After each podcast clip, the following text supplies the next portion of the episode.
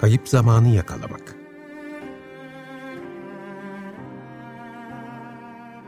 Ölümünün 100. yılında Marcel Proust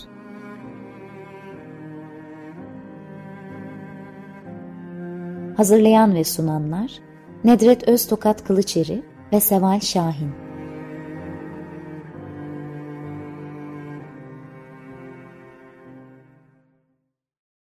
Merhaba, 95.0 Açık Radyo'dasınız. E, Proust'un ölümünün 100. yıl dönümü için yaptığımız bu programda kayıp zamanı yakalamakta e, sizlerle birlikteyiz. Ben Seval Şahin.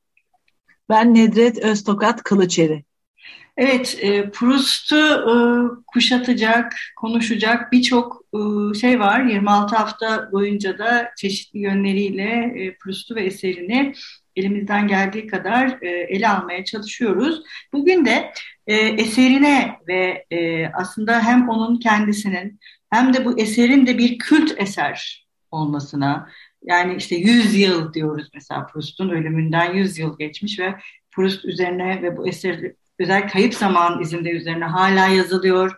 E, doğrudan bu eser üzerine kitaplar var işte e, ve e, sürekli e, bir şekilde Proust'un Kayıp Zamanın izinde edebiyat eleştirisinin bütün dünyada belki de e, ne diyeyim uğramadığı bir eser değil. Edebiyat eleştirisi söz konusu olduğunda Kayıp Zamanın izindeye hep e, uğruyoruz. Kendimiz de uzun yıllardır bu kitabı okuyoruz, düşünüyoruz. E, evet, bugün de bunu konuşalım istedik. Nedir bu eseri bu kadar kült yapan şey? Ee, evet güzel bir güzel bir pencere açtık diye düşünüyorum ben de. Ee, çünkü Marcel Proust'un bir edebiyat ikonu olacağı e, kendi dönemi içinde pek kimsenin aklına gelmezdi herhalde. Geçen hafta Yapıt'ın e, ne şartlarda ilk e, cildin ne şartlarda basıldığından da bahsetmiştik. E, basıldığı dönemde biraz basında ya da edebiyat eleştirisinde, dergilerde filan e, ya da daha sonraki dönemde çıkan e, e, yazılara baktığımız zaman e, biraz e, negatif e, değil yani bayağı negatif e, olumsuz e, yargılar da dile getirmiş bazı yazarlar. Mesela D.H. Lawrence e, Kayıp Zamanın izindeyi sulu bir jöleye benzetiyor. E, Gombrowicz e, e, bir keşfe ulaşmayan, bir yere varmayan gözlemler örgüsü olarak görüyor. Aldous Huxley ise daha da ironik. E, kayıp zamanın astımlı arayıcısı diyor Proust için. E, oysa e, belki de edebiyat çevrelerinde en çok çalışılan hem Fransa'da hem Fransa dışında yorumlanan, atıf yapılan bir yazar Proust. Sadece şu Madeleine kurabiyesini anımsamak bile yetecektir bize. E, yapıttaki o ufacık hani e, batır, çaya batırıp da tadını aldığı tatla bütün çocukluğuna gittiği o küçücük epizoddan bir görsel gösterge üretmiş yapı. Ee, başka gö göstergelere de gidersek mesela çan kuleleri. E, Martinville Kilisesi'nin çan kuleleri, Saint Hilaire Kilisesi'nin kulesi bunlar da birer gösterge olmuş. Yani yazınsal metin bir şeyler üretmiş e, zaman içinde. E, o zaman yazınsal metnin ürettiği bir dünyayla, orada oturan insanlarla farklı bir giriş yaptığını söyleyebiliriz e, Proust'un bu e, roman dizisinin edebiyat ortamına girişi. Fakat geç girdiğini biliyoruz. E, çünkü hani savaş geçen hafta da bahsetmiştik. Bir savaş dönemi var, biraz yavaşlıyor yayınlar. E, hem edebi, kendi e, ürünü hem de e, üretimi hem de kendisi de geç giriyor. Geç görünür olmaya başlıyor. Burada da bir sanki bu e, farklı bir yazar olmasını buraya da bağlayabiliriz. E, Saint Germain muhitinde e, gör, bir kabul görmüyor en başında. Sonra e, işte manuskri ilk Suanların tarafı reddediliyor. Parasını kendi verdiği bu ilk cilt bir mite dönüşüyor. Hani yazarın kendi kitabını parasıyla bastırması bu kadar büyük bir yap, yapıtın. Böyle bir bunların da bence kült yazar olmasında bir payı var e, anlattığı dünyanın gerçekten var olmuş figürlerle organik ilişkisi de e, önemli bir faktör. E, bir başka e, etmen bence e, dönem anlatısı olması. İkinci İmparatorluk Fransa'da ve Belle Époque dönemi bu 1871 ile 80 arası e, bir dönem. Birinci Dünya Savaşı'na kadar sürecek olan böyle hafif, hafif derken allegri, rahat bir dönem. Tasasız bir dönem. Sonra birdenbire gümbür gümbür savaş girecek tabii Avrupa sahnesine. E, bütün varoluş e, algıları değişecek. Yani havai, sanat düşkünü bir dönem bu. Şiirde özellikle sembolistler e, çok çok sükse yapıyor. Mimaride Art Nouveau'nun şu seçkin rafine tarzını düşünebiliriz. Parlak dönem, böyle salonlarda edebiyat, resim, sanat meraklıları buluşuyor. Gezmeli, tozmalı, konserli, sergili, neşeli, hafif bir dönem. E, kısa da sürse çok önemli bir dönemdir e, Paris'in özellikle kültür hayatında. İşte bu e, dünyayı, bu Paris'i gözlemliyor. Kendisi de zaten buraya ait bir insan. Oradan da bir çekicilik kazandığını düşünüyorum okur açısından. Öte yandan e, tabii psikolojik, felsefi, estetik ve sosyolojik analizleri. Yani e, ben bunların hepsini bir edebiyat anlatısının içindeki yeri gelmişken kullanılan e, parçalar olarak gördüm ama e, okudukça bir daha dönüp bir daha baktıkça ben aslında bunları analiz olarak görüyorum. Bilmem siz ne dersiniz. E, böyle analizlerin de aralara girdiği, sağlam bir doku oluşturduğu bir roman. Fransızlar buna digresyon diyorlar. Digresyon e, ana konudan çıkarak e, ya da anlatının e, genel akışından saparak yazarın kendi görüşünü, kendi izlenimini anlattığı bölümler. E, ara söz. Mesela Türkçe'de ara söz. Öyle mi? Evet. Yani digresyon bayağı bir gelenektir. 19. yüzyıl romanlarında da çok vardır. Ee, çok da çalışılan bir e, edebiyat tekniğidir. E, edebiyat yaz, söyleminde çok önemlidir. E, burada yazar kendi görüşünü, kendi izlenimini anlatıyor demiştim ya. Burada işte Proust'un o dünyaya nasıl baktığı, o dünyayı nasıl algıladığı tam bir öznelik durumunda. Öznellik demiyorum sübjektifte. Öznelik yani bir özne artık metnin içinde var. Anlatıcı tabii.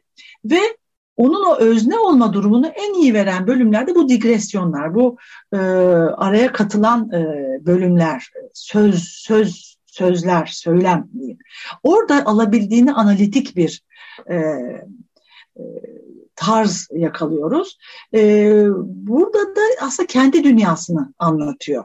E, mesela e, anlatıyı kesiyor, orada kendi analizini, o, o verdirenlerin salonunu, oradaki davranışları nasıl gördüğünü metne yerleştiriyor. İşte okur da tam orada bence e, metne katılıyor. E, kendinden bir şeyler bulduğunu düşünüyorum. E, hemen şurada ben e, şu çiçek açmış genç kızların gölgesinden sonlara doğru bir bölüm e, bugün an, alıntılamak istiyorum. E, blokla bu Malbek'te tekrar karşılaşıyor. Blok biliyorsunuz çocukluğundan e, çocukluk arkadaşıdır. Combre'de vardı. E, daha sonra bunlar artık büyümüşler, genç delikanlılar buluşuyorlar ve bu blok biraz ikili oynuyor bundan. Böyle bir e, iyi gibi, kötü gibi falan bu böyle bir arada kalıyor anlatıcı. Sonra şöyle bakın şu çok kısa bir bölüm. E, blok büsbütün kötü bir insan da değildi. Çok büyük incelikler yaptığı da olurdu. Kongre soyu büyük annem ve annem gibi tamamen saf insanların çıktığı soy tükenmiş gibi göründüğünden beri ben iki tür insan arasında seçim yapmak zorundayım.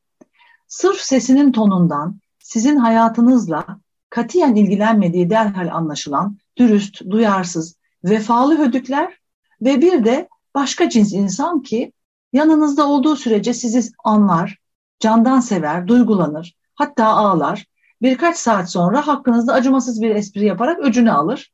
Ama hep geri gelir ve hep aynı şekilde anlayışlı, sevimli ve geçici olarak sizinle bütünleşmiştir. Sanıyorum bu ikisi arasında ben ikinciyi seçeceğim, seçerim gibi bir çok kişisel bir algı ama okur da e, kendine ait bir şeyler buluyor, kendi çevresine ait bir şeyler buluyor. Bu okurun bu digresyonlarda metne katılması e, gerçekten E, mesela bir Stendhal romanında da vardır böyle. Victor Hugo keser anlatıyı bazen. Böyle tarihi bilgiler verir. Bunlardan çok farklı. Onun için de özel. Bunun dışında e, tabii e, üslup e, değinmek mutlaka gerekir. Bu, bu üslup romanı kült e, yazar, kült roman yapan bir faktördür. Evet hocam ona ikinci e, kısımda geçelim isterseniz. Yine e, bir e, Proust müziği çalalım. e, bugün. Evet evet. Yani e, onun ince zevkinden e, sevdiği e, bestecilere böyle uzanmak da e, gerçekten çok büyük bir keyif. O zaman Gabriel Fauré'den e, bir eleji dinleyelim bugün. E, okurlarımız da umarım hoşlanacaktır. Evet. Merhaba, 95.0 Açık Radyo'dasınız. E, Proust'un ölümünün 100. yıl dönümü için e, yaptığımız bu özel programda ben Seval Şahin. Hocam, ben Nedret Öztokat Kılıçeri. E, Proust'un Kayıp Zamanın izindeyi yakalamaya çalışıyoruz. Programımızın ilk bölümünde e, hocayla birlikte bu eserin ve yazarının neden bu kadar kült bir e, hale dönüştüğünü konuşmaya başladık ve en son üslupla kalmıştık. Evet birçok şey var ama üslup da bunlardan biri diyerek. Uzun cümleleri olmadan Proust olmuyor, Proust metni olmuyor. Ee, üst, tabii üslup çok önemli. Ee, Proust cümleleri artık bir o da hani nasıl mitler oluşuyor diyorum metinden. Orada da stilistik bir mit oluşmuştur diyebiliriz. Hatta efsane diyebiliriz. Uzun cümleler, birbirine bağlanan cümleler, iç içe geçen, birbirine açılan, birbirinde toplanan cümleler e, dikkatimizi çekiyor tabii. Ana yapıya, ana bir temel prensipal yapıya bağlanan e, yan cümleler var. Onlar da başka yan cümlelerle birleşiyor. Bol bağlaçlar e, karşımıza çıkıyor. Fiillerin öznelerini düzenli düzenli olarak arayıp bulup sabitlemek durumundadır okur. Yoksa e, tam anlama e, hakim olamayacaktır. E, dolayısıyla böyle bir etkin bir katılımı e, oluyor metnin. E, işte burada da hani dedim ya bir algı değişiyor. E, ilk zamanlarda 1912'de mesela muhtemelen ilk okuyanlardan e, Proust'u Nouvelle Revue Fransız'ın yayın komitesinden yazar Jacques Norman 712 sayfa okudum ve neler oluyor hiç anlayamadım diyor. Neden bunca sayfa yazmış diye isyan ediyor. Ee, böyle e, yaz, Proust'un yazısını sıkıcı, olaysız, boş bir zaman geçirme e, yolu gibi görmüştür. E, tabii ki öyle değil. O, o uzun sayfaların içinde o neler neler var bir hayat var. E, uzun cümleleri, paragrafları koridorlara benzeten e, eleştirmenler de olmuş. Her koridorun sonunda farklı bir kapı açılır. E, oradan da farklı bir e, dünyaya, ortama girer okuyucu. E, dil işte bu uzun cümlelerden oluşuyor e, ve ayrıntılı, bol ayrıntıyla nesneler, yüzler, renkler, nüanslar, ince ayrımlar. Evet, bu uzunluk, bu bolluk e, en başında e, itici gelse de hala bugün bazı Fransız yazarlar ben Proust okumadım, e, okumam diye açık açıkta e, dile getirenler vardır edebiyat hocaları arasında, edebiyat okumuş e, kişiler arasında. E, bu hep tartışılır. E, okumuyorum, okumadım, çok uzun. Böyle bir şey var, genel bir algı var. Ama bunun bir betimleme tarzı, betimleme mantığı olduğunu da okudukça zaten insan anlıyor e, mesela havanın rüzgarlılığı, işte rüzgarlı olması e, ya da bir kişinin e, betiminde e, sadece orada Germant Prensesi ver, ya da Madame de Verduren değil aslında onunla ilgili duygular, anımsayışlar, anlatının şimdiki zamanına birçok şey yerleşiyor. Bu da çok farklı bir e, anlatma tekniği tabii. E, Proust okumak aslında uzun yola yolda bir yürüyüşe çıkmak gibi özel bir okuma deneyimine dönüşüyor. Sanıyorum bu da yapıtı kült yapıt yapan özelliklerden bir tanesi. İşte bu uzunluk zaman içinde bir markaya dönüşüyor. Evet Proust cümlesi derler. Proust cümlesi gibi uzun derler. Bunun dışında e, Proust üslubunu bütünsel bir yazı olarak gördüğümüz zaman bunun içinde aslında insanın her hali de girmiştir. Yani acısı, duyguları, yalnızlığı özellikle e, yazanın yalnızlığını düşünürsek e, sonra geçen zaman, ait olunan zaman, homoseksüellik işte böylece e, sayfalarca böyle bitmeyen uzun uzun konulara dönüşür bu e, temalar ve oradan da zaten yapıt o devasa anıtsal varlığını e, edinir. E, merkezde snobizmin olduğunu biliyoruz. Hani dönem e, romanıdır dedik ya onu da tabii vurgulamak gerekir. Bu snobizmin olduğu ortam iki yüzlü bir ortam. Genellikle içten pazarlıklı görünüşün ardında küçük demeyelim de vasat haller, böyle hep görünüm değil mi? Görüntüde o selamlaşma ritüelleri birbirlerini görmeleri, sonra snobe etmeleri, e, görmezden gelmeleri, o, o girift, o hassas dünyayı da çok hassas dengelerin olduğu dünyayı da çok iyi anlatmış. E, orada da sanıyorum okuru kavramış bir e, yazar. E, odaklan işte bir yere odaklanır, kişiye odaklanır. Oradan mesela onun bütün e, eleştirel, e, hicivli yanlarına açılır. Gerçekten e, çok farklıdır. Hatta bu salon e, salonları betimlemesi e, meşhur cehennem başkalarıdır getirir. E, hem kahramanı hem okuru. Yani çok net olarak görürüz ki mesela Madame Verdure'nin salonunda Madame Verdure'nin gözünden düşen birisi için cehennem e, o diğerlerinden ayrı kalmaktır. O cehennem başkalarıdır. Gerçekten çok uyar e, Proust'un anlattığı ortamlara. E, bir de tabii evrensel konular var. Yani bunlar bir Paris e, salon ortamında e, karşımıza çıkabilecek konulardı ama şu e, ince bir duyarlılıkla anlatılan aşk, kıskançlık, hafıza, hatırlayış, anılar, zamanın geçişi, e, bunlar çok evrensel konular. E, bellek e, evrensel bir konu. Ben e, Boris Cyrulnik'i çok okurum. O da çok iyi bir edebiyat okurudur. Şöyle diyor, insanın kendi anlatısı olması şart diyor. Kendi anlatısı, kendini anlatmak çok temel bir edinimdir, edimdir, bir eylemdir der. Çünkü sözcüklerle kendi temsillerimizi var ediyoruz. Hepimizin bir dünya algısı ve temsili vardır da Proust'a çok uyuyor bu saptama. E, o kendisine ait bir dünyayı anlatmış. Kendi anlatısını kurmuş ama o anlatıya da koca dünyayı yerleştirmiş, kendi yorumunu sunmuş. Yani o da bir ben anlatısı, o öznenin anlatısı. E, işte o öznenin anlatısında da kendimizi, kendimizi bulduğumuz yerler, işte o uzun digresyonlarda bir küçük yorum bize e, birçok e, şeyi açıyor bizim de e, belleğimizde, aklımızda, zihnimizde. E, bunun dışında e, hayatı düşünen bir yazar Proust. Hayatı düşünüyor ve hayatın en önemli verisi olan zamanı düşünüyor.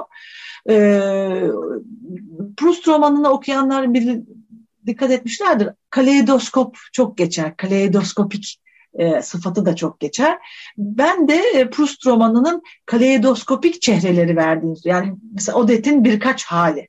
O genç e, orta yaştadır. Daha sonra e, işte Paris'te Suan'la evlendikten sonra böyle onun da kaleidoskop gibi yüzleri, giysileri, çehreleri değişir. E, bunlar e, gerçekten insanın çeşitli e, veçelerini, süre, süreçlerini anlatıyor. Son cilt ise zamanı bulmanın zorluğuna işaret ediyor. E, yani Kronos, e, geçen zaman, biten zaman ama kendi içinde döngüsel bir zamansallığa sahip aynı zamanda. E bunlar da roman için gerçekten yeni yeni e, e, konular. E, olan, olacak olan, olamayacak olan ihtimaller bunlar da e, romanın o zamansallığına yerleşen e, ve son derece özne öznellik belirten e, e, alanlara açılır. E, bunlar yani kişiler de donmuş değil. Kişiler de donmuş, e, kalıplaşmış kişiler değil. Proust'ta mesela Alberti'nin değiştiğini, geliştiğini göreceğiz. Gilbert öyle, Odette demin de söyledim. Dolayısıyla hatta kendisi de değişiyor. Proust da değişiyor. E, zaman içinde onun da snobizme bakışı değişiyor. Dolayısıyla böyle değişkenliklerin olduğu bir dünya, değişken dünya. E, hayatın e, akışını belki bu e, özelliklerle de çok net e, vermiş bir yazar. Bunun dışında e, Bergson etkisiyle de çok e, anılmıştır biliyorsunuz. Romanı, romandaki hayat aslında zamanı ve hafızanın süzgecinden geçen bir hayat. ve anlatılan gerçekliğe kendi dokusunu, rengini, kıvamını veren bir bellek var. İşte Fransız edebiyatında bu çok yeniydi. Onun için çok e, Bergson'la ilişkisi üzerine de çok araştırma yapılmıştır. E, Bergson'un iklimi, metafizik bir Bergson iklimi e, yapıtta hep gözlemlenmiştir. E, geçmişte şimdi arasında Bergson da hep bir ben muah'yı koyar e, ve bellek arşivdir der. Her şeyi depolar der. Bunları kaydeder, gerektiğinde ortaya çıkarır der. E, Proust'un biz e, Collège de France'da Bergson derslerini izlediğini biliyoruz, onu dinlediğini biliyoruz. Ancak e, Proust'ta birazcık farklı olarak bellekte iz bırakmış anlar, acıyla, frustrasyonla bağlantılı olanlardır ve bunlar ortaya çıkar. Ee, onun içinde bazı araştırmacılar Bergson direkt Bergson, Bergson'a bağlanmasından Proust'un e, bu bellek e, olgusunun biraz rahatsız ol, olduklarını biliriz. E, an, zaman, bellek açısından Proust daha ziyade Flaubert, ustası Flaubert'e e, yakın e, durur. Çünkü Flaubert'in bir anı sayfalarca yazabileceğini çok iyi bilir e, Proust. E, çizgisel zamana değil, e, yaşananların kendi içsel zamana uyduğunu, parçalanmış, parça parça bir zamanın belleğini kurduğunu çok iyi bilir Proust ve onu da verir bize. O açıdan da yeni bir anlatım, yeni bir dil. Evet, bazı araştırmacılar Proust'u böyle nesnelerle, hani anımsayışlar, işte yine evdeki bir nesne ya da işte o Madeleine e, çöreğinin çaya batırılması örneğindeki gibi aslında Proust'u bazı araştırmacılar fenomenologların arasına yerleştiriyorlar. Yani e, bir nesne karşısında bir e, estetik deneyim karşısında ya da işte ressamlardan, e, heykeltıraşlardan, müzisyenlerden çok örnek verdiğini biliyoruz. Orada da bu algıyı öne çıkaran, duyumsayışı öne çıkaran bir e, anlatı dili var. E, dış dünyadan gelenler e, aslında algıyı, o beklenti yaratarak algıyı e, oluşturuyor e, ve algı da o zaman kendi gerçeğimizi oluşturuyor. E, bir e, aralanan açık kapıda e, bir boşluk var ve orada artık biz biliyoruz ki özne neyi nasıl algılarsa. Bu da tabii e, o dönem için çok yeni, e, yenilikçi e, bir e, anlatma e, tekniği. E, bir de o hani algının biliriz ki çok kırılgandır algı. O kırılganlık da Proust'un hani alıngan şeylerini düşünürsek hallerini onlarla da çok örtüşür. Evet, e, tabii ki bu kült olma özelliğiyle ilgili söylenecek çok şey var e, şüphesiz ama e, bu program çerçevesinde e, bu kadarına değinebiliyoruz. Evet hocam, çok e, sizin bitirirken yine eklemek istediğiniz bir şey var mı? E, benim yok ama hani roman dilinde e, bilmiyorum sizin gözlemlediğiniz hani siz de Türk Edebiyatı'nda e, çok derin metinlere ulaşıyorsunuz. Belki bunlara benzer şeyler var mıdır? Tabii ki çok var. E, zaten biz hocayla bu programı planlarken e, Türkçe'de Proust'un e, etkilerini de araştırmaya karar vermiştik. Tabii en başta Ahmet Hamdi Tanpınar, Abdülhak Şinasi Hisar ve Nait Sarı Örik metinlerinde Proust'un etkilerini görmek mümkün. E, ve e, başka bir e, duyma tarzı getiriyor aslında e, Proust. Yani sadece bir... Evet ya evet çok çok çok güzel söylediniz. Duyma tarzı o o Fransız edebiyatında da onun dile getirilmesi aslında e, yeni. Yoksa Fransız romanı da çok hep hep katmanlıdır bilirsiniz. Yani evet. e, işte Balzac'ta şey ama mesela Balzac'ta kişi kişinin sonrasını biz artık görmeyiz. Evet. Proust, Proust e, çeşitli evrelerle veriyor. Evet, tam kaleidoskop anlatı. Evet, yani evet. Belki ileride bu Walter Benjamin'in hem panoramik hem kaleidoskopik anlatı kavramlarından da bahsederiz program içerisinde. Evet, e, bir e, Proust'un 100. yılı anısına yaptığımız bir programın daha sonuna geldik. Ben Seval Şahin.